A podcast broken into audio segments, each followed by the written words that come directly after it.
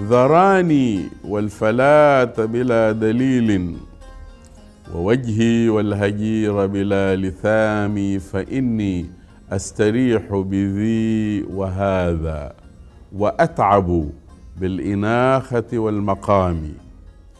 عيون رواحلي يترنم الطيب صالح بأبيات المتنبي على طريقته. الروائي السوداني ابن الكتاتيب والمدارس الإنجليزية وابن الوطن والمهجر والكاتب تحت وطأة الحنين.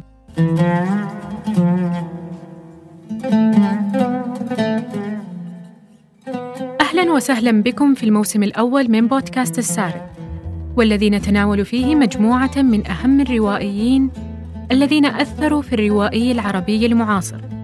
نتحدث فيه عن تقنياتهم الروائية كيف كتبوا وما هي أدواتهم في حرفتهم. حرفة الرواية.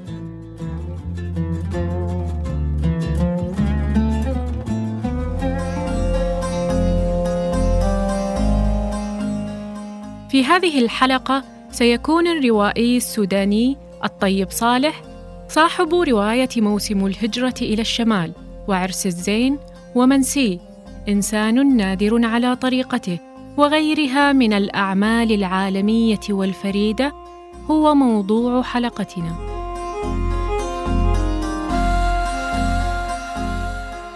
ولد في عام 1929 في قرية في المديرية الشمالية في السودان.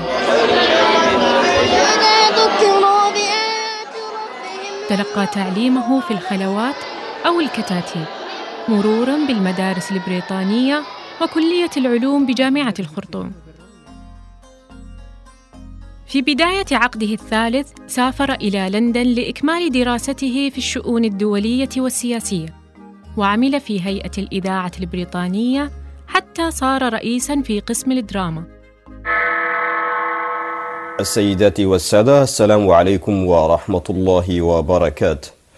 الثامنة مساء بتوقيت غرينتش هنا لندن بي بي سي يصف الطيب صالح قريته بأنها اجتمعت فيها مؤثرات الحضارة الفرعونية القديمة بالمؤثرات العربية وخصوصا تأثير أناس يقال لهم المداحون الذين كانوا ينشدون بأصواتهم الجميلة على أنغام الطار شعرا في مدح الرسول عليه الصلاة والسلام بلغة فصحى.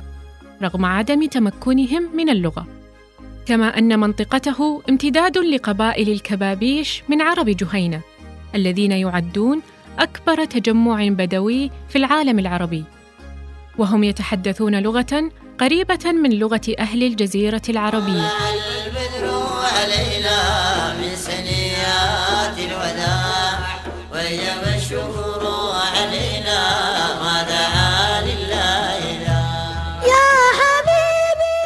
لقد تأثر الطيب صالح بهذه العوامل في تكوينه ويظهر دائما امتنانه لها إضافة إلى تعليمه في الصغر قرأت القرآن الكريم في الكتاب الذي يسمى عندنا الخلوة وهذه مسألة مهمة جدا فمثل هذه الدراسة تعطي المتلقي حساسية فائقة للغة والجرس. يقول الطيب صالح في إحدى لقاءاته: يبدو لي من الصعب أن يضع الإنسان يده على نقطة محددة في حياته ليقول أنه بدأ منها كاتبا، أو أنه قرر أن يكون كاتبا. وقد يكون للظروف التي عاشها في الخلوات والقرية والمداحين والبدو والتعليم الإنجليزي والغربة سبب في ذلك يقول الطيب صالح آه الإنس الواحد منا مننا كان يحس بأنه هو يساق في درب جديد. مش هو الدرب الذي عرفه آباؤنا وأجدادنا اللي كان بيتعلموا في خلاوي القرآن أي الكتاتيب. فنحن دخلنا في معارف جديدة وبدأنا نتحدث لغات أجنبية ثم آه، الغربة فيما بعد إلى لندن. والتناقضات الواحد يحس بها في العالم وموازين القوى المختلة ونقرأ التراث العربي الضخم آه، والأمجاد العربية ونقارن بأحوالنا الراهنة. فكل هذا أتصور كان آه، حوافز لأنه الواحد يحاول أن يجد آه، منطق روائي لكل هذه التناقضات. كتب أول عمل له في لندن ونشره هناك. قصة قصيرة بعنوان نخلة على الجدول. يصفها كنجوى شخص يحن إلى بلده ثم انقطع عن الكتابة لمدة سبع سنوات. في سنة 1960 في السودان وتحديدا في شهر رمضان ما بين السحر والصبح شرع في كتابة دومة ود حامد التي يصفها بأنها نقطة تحول حقيقية. نشرها صديقه المستشرق دينيس جونسون ديفيس في مجلة أصوات وترجمها وأرسلها إلى مجلة إنكاونتر الأدبية وقبلت فورا وتلقى ثناء بالغا عليها.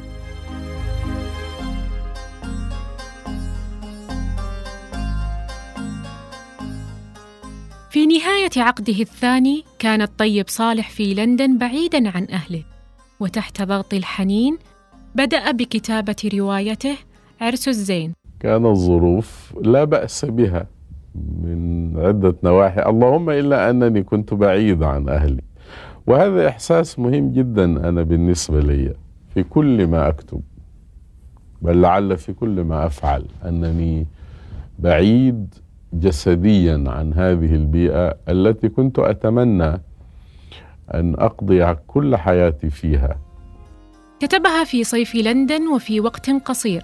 وكان صديقه الشاعر الفلسطيني توفيق صايغ قد أصدر مجلة جديدة اسمها حوار. جاء مار بلندن وكان يدوب بدأ يصدر مجلة حوار قام عليها لغط كثير كما تعلم فيما بعد. ف لا أدري هل أنا يعني أطلعت على ما كتبت أو سمع. المهم هو أصر أن يأخذ منه جزء ينشر في حوار وفعل ذلك. ثم نشر الرواية في كتاب حوار. من أظن كان ثاني أو ثالث كتاب حوار. وكتاب حوار هذا كان يطلع بصورة جميلة جداً.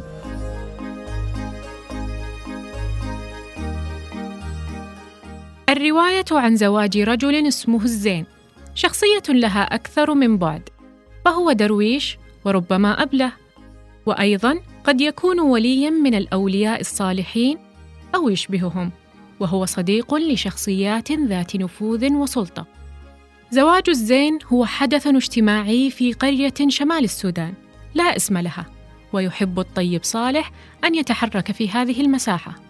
يمكن القول إن البلدة الوهمية التي أكتب عنها باستمرار هي نوع من المرح الذي ابتدعته تتحرك فوقه الشخصيات. تنقسم الرواية إلى عشرة فصول تختلف في طولها وتتخذ شكلا دائريا في الزمن. فالحدث الأول في الرواية لا يستكمل سرده إلا في الفصل الأخير. تبدأ الرواية بتناقل أهل القرية خبر عرس الزين تخبر حليمة بائعة اللبن جارتها آمنة بالخبر. ويخبر الطالب الطريفي ناظر المدرسة. وحين جاء عبد الصمد يطلب سداد دينه من شيخ علي تهرب الأخير بالحديث عن عرس الزين. الرواية تمتلئ بهذه الأسماء والشخصيات لكن الطيب صالح يبقيها في مستوى بسيط وسهل. إحدى متعي هي التعبير عن أفكار معقدة من خلال شخصيات بسيطة. تطور الشخصيات عند الطيب صالح يأخذ اشكالا عدة. فمثلا قد يكون من خلال تحولات عميقة ومفاجئة. كما حدث لشخصية فرعية اسمها سيف الدين. وقد تأخذ شكلا ناعما وهو ما يفضله الطيب صالح في الغالب. فتطور الشخصية عنده لا يلزم أن يكون في التحولات القوية والمفاجئة في الشخصية. إن لنمو الشخصية عندي منطقا آخر. وإنني كثيرا ما أتساءل إلى أي حد نحن ننمو؟ فالعمر يتقدم بنا وننتقل من مكان إلى آخر لكن لحظات النمو نادرة. فهي ليست ما يبدو على وجوهنا من غضون إن هذه اللحظات بمعناها العميق نادرة جدا. لذا فإن الكشف الحقيقي في العمل الفني ربما يأخذ شكلا عاديا جدا ويحدث بطريقة عفوية جدا. ولا أعتقد أن الكاتب بحاجة إلى رسم دراما كبيرة لخلق هذا التأثير. لذلك لا نجده يميل لخلق أحداث تدهش القارئ بقدر تقديم أحداث تساعد في النمو الوجداني لشخصياته. الزين مثلا في الرواية شخص متاح لمخيلة القارئ مدهش لكنه بسيط لا تظهر التعقيدات بداخله يحب ويعشق ثم ينسى. ويحب مرة أخرى وقد تجذبه أجساد الفتيات مجردة عن الحب. له صداقات ثابتة ويقبل الإحسان كما أنه يحسن للآخرين وأيضا له عداوات. فقد يضرب بشدة وقد يضرب كما حدث مع سيف الدين. وقد يكتم غضبه مراعاة لمصالحه كما فعل مع إمام المسجد في ليلة عرسه. وبقدر ما يكون زواجه هو الحدث الرئيسي بقدر ما تحكي حكايته قصة شبكة اجتماعية في قرية تمثل منطقة بكاملها.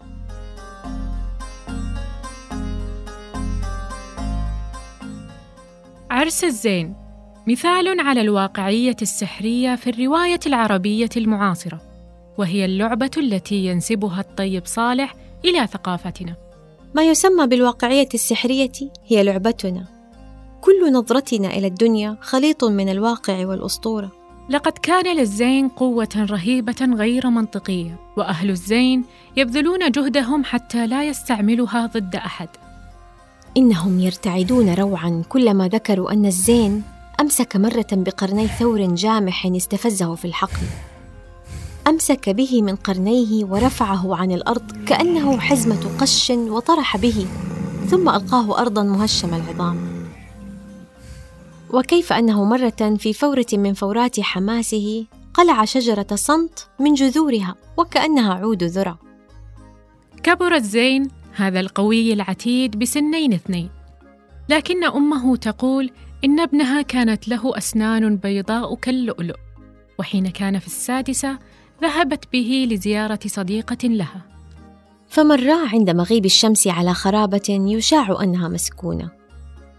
وفجأة تسمر الزين مكانه وأخذ يرتجف كمن به حمى. ثم صرخ. وبعدها لزم الفراش اياما. ولما قام من مرضه كانت أسنانه جميعا قد سقطت. إلا واحدة في فكه الأعلى وأخرى في فكه الأسفل. إنها حكايات القرية التي يرويها الراوي وكأنها جمعها من ذاكرتهم وأفواههم. يذكرنا هذا برواية مائة عام من العزلة لماركيز.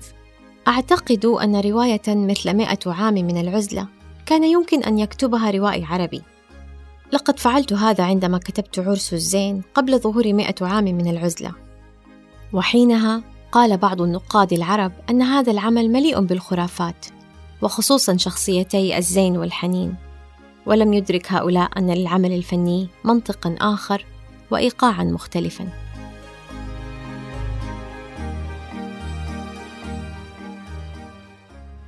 توجهنا بسؤال للروائية منصورة عز الدين عن الواقعية السحرية عند الطيب صالح. ما هو منشأها وأبرز معالمها؟ يبدو الطيب صالح في عرس الزين مثل راو شعبي يحكي قصة تحبس الأنفاس لمستمعين شغوفين. الشخصيات كثيرة بعضها يظهر بطريقة عابرة ومع هذا ينجح الكاتب في جعل كل شخصية فريدة على طريقتها الخاصة ومختلفة عن سواها حين يصف مثلا تميزات بين زغاريد النساء يدفعنا لتخيل كل امرأة منهن ويجسدهن بحيث نشعر كما لو كنا نراهن. وندرك شخصية كل واحدة منهن انطلاقا من مجرد زغرودة كل شخصيات العمل أيضا مقدمة كما لو كان القارئ يعرفها سلفا كأن هناك نوعا من التواطؤ بين الكاتب والقارئ وهو نفس التواطؤ الموجود عادة بين الراوي الشعبي ومستمعيه. الغرابة هنا عميقة الالتصاق بالواقع. هي ابنة هذا الواقع وجزء لا ينفصل عنه. ولها أكثر من مستوى، منها مستوى الإطار الميثولوجي الذي يسم البيئة المحلية التي تناولها الطيب صالح بمهارة، مستفيدا من خرافاتها وغيبياتها وجوانبها الميتافيزيقية بشكل عام. وهناك أيضا مستوى أسطرت شخصيات هامشية بامتياز ووضعها في إطار ميثولوجي مفارق للواقع مع الحفاظ في الوقت نفسه على واقعيتها وقدرتها على الإقناع فصالح بارع في إظهار مكمن الغرابة حتى في أشد التفاصيل واقعية كما أنه بارع في مزج التصوف بالوصف بالغ الحسية القادر على استنطاق الجمادات والنباتات وعناصر الطبيعة الأخرى لدرجة يخيل إلينا معها كقراء أننا نستشعر حرارة الأرض ونشم أزهار الطلح ونستمع إلى كلام متخيل لنهر النيل. من ناحية أخرى يتعاطف الطيب صالح مع شخصياته يفهمها ويتفهمها فينجح في إبراز ثرائها وعمقها ويبين كيف تمنحها المعرفة والثقافة الفطرية والصوفية حكمة عصية على من قد يفوقونها علما مكتسبا. شخصيات الطيب صالح على اتصال أيضا بمحيطها البيئي بكل مفرداته وخاصة نهر النيل بأساطيره الرابطة بين من يعيشون على ضفافه باختلاف دولهم. كانت مفاجأتي كبيرة حين تبادلت الحكي عن أساطير وخرافات قريتي المطلة على النيل مع أصدقاء ولدوا في ريف السودان على مقربة من النيل أيضاً. وجدت لديهم نفس الحكايات الفولكلورية الناتجة عن مخيلة شعبية جامحة تذيب ببساطة المسافة الفاصلة بين الواقع والغرائبي وبين الحقيقة والتوهم. فحتى أكثر التفاصيل غرائبية من خرافات وغيبيات وحكايات الجان والأشباح يتم التعامل معها في هذه البيئة خاصة في الماضي باعتبارها تفاصيل حياة يومية. تجد من يؤمن بها ويرى فيها تفسيرا مقبولا لألغاز وغموض العالم من حوله. وهذا ما نجده بسلاسة واقتدار في أدب الطيب صالح وفي رؤية شخصياته لعالمهم وحيواتهم.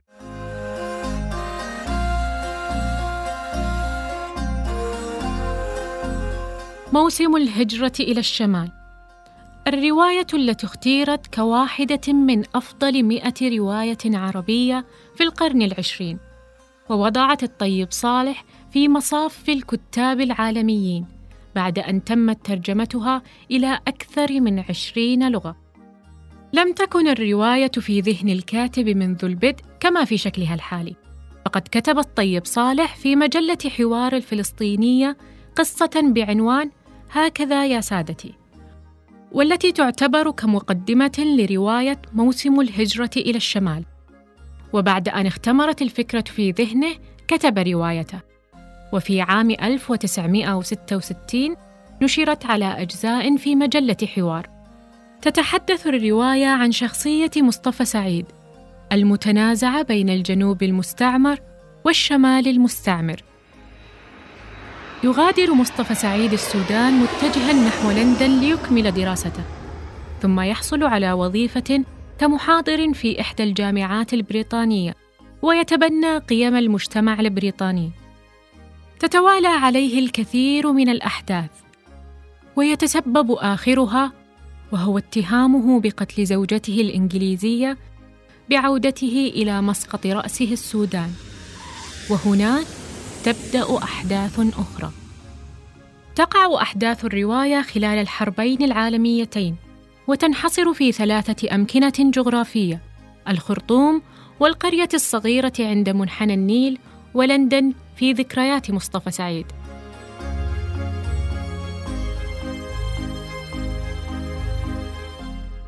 الحوار هو أحد أبرز التقنيات التي استخدمها الطيب صالح في الرواية. فقد يبين من خلالها وجهات النظر أو يسلط الضوء على القلق بين القطبين الشرق والغرب أو على القضايا المحلية التي طالما شغلت باله. مثلاً يتحدث مصطفى سعيد عن العمران والتمدن الذي يدعي المستعمر أنه جلبه معه. البواخر التي مخرت عرض النيل أول مرة تحمل المدافع للخبز وسكك الحديد أنشئت أصلاً لنقل الجنود. وقد أنشأوا المدارس ليعلمونا كيف نقول نعم بلغتهم. إنهم جلبوا إلينا جرثومة العنف الأوروبي الأكبر الذي لم يشهد العالم مثله من قبل في سوم وفي فيردون. جرثومة مرض فتاك أصابهم منذ أكثر من ألف عام. ويقول مصطفى سعيد أيضا متهكما وبكوميديا سوداء عن فتاة إفرنجية هامت بحبه حتى الجنون يا للسخرية الإنسان لمجرد أنه خلق عند خط الاستواء بعض المجانين يعتبرونه عبدا وبعضهم يعتبرونه إلها أين الاعتدال؟ أين الاستواء؟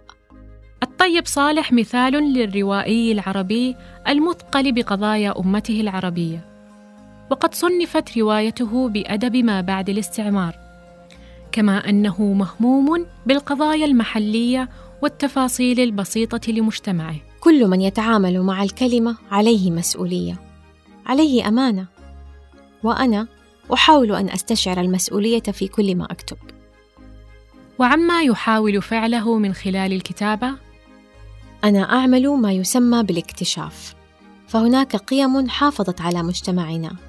وإن كانت هذه القيم قد تعرضت في السابق لهزات عنيفة لظروف متعددة فإن المهم الآن هو إعادة إيجاد سبل جديدة للإبقاء على هذه القيم. للطيب صالح تأثير عميق في الرواية العربية المعاصرة. وكلما تأملت في أعماله وأعدت قراءتها تبينت لك قوته وتمكنه من الأدوات الفنية.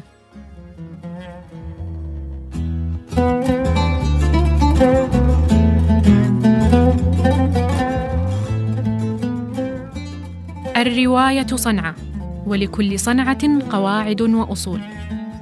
وبالممارسة تسقل المواهب وبالكتابة المرة تلو المرة يعثر الكاتب على تقنياته وصوته الخاص.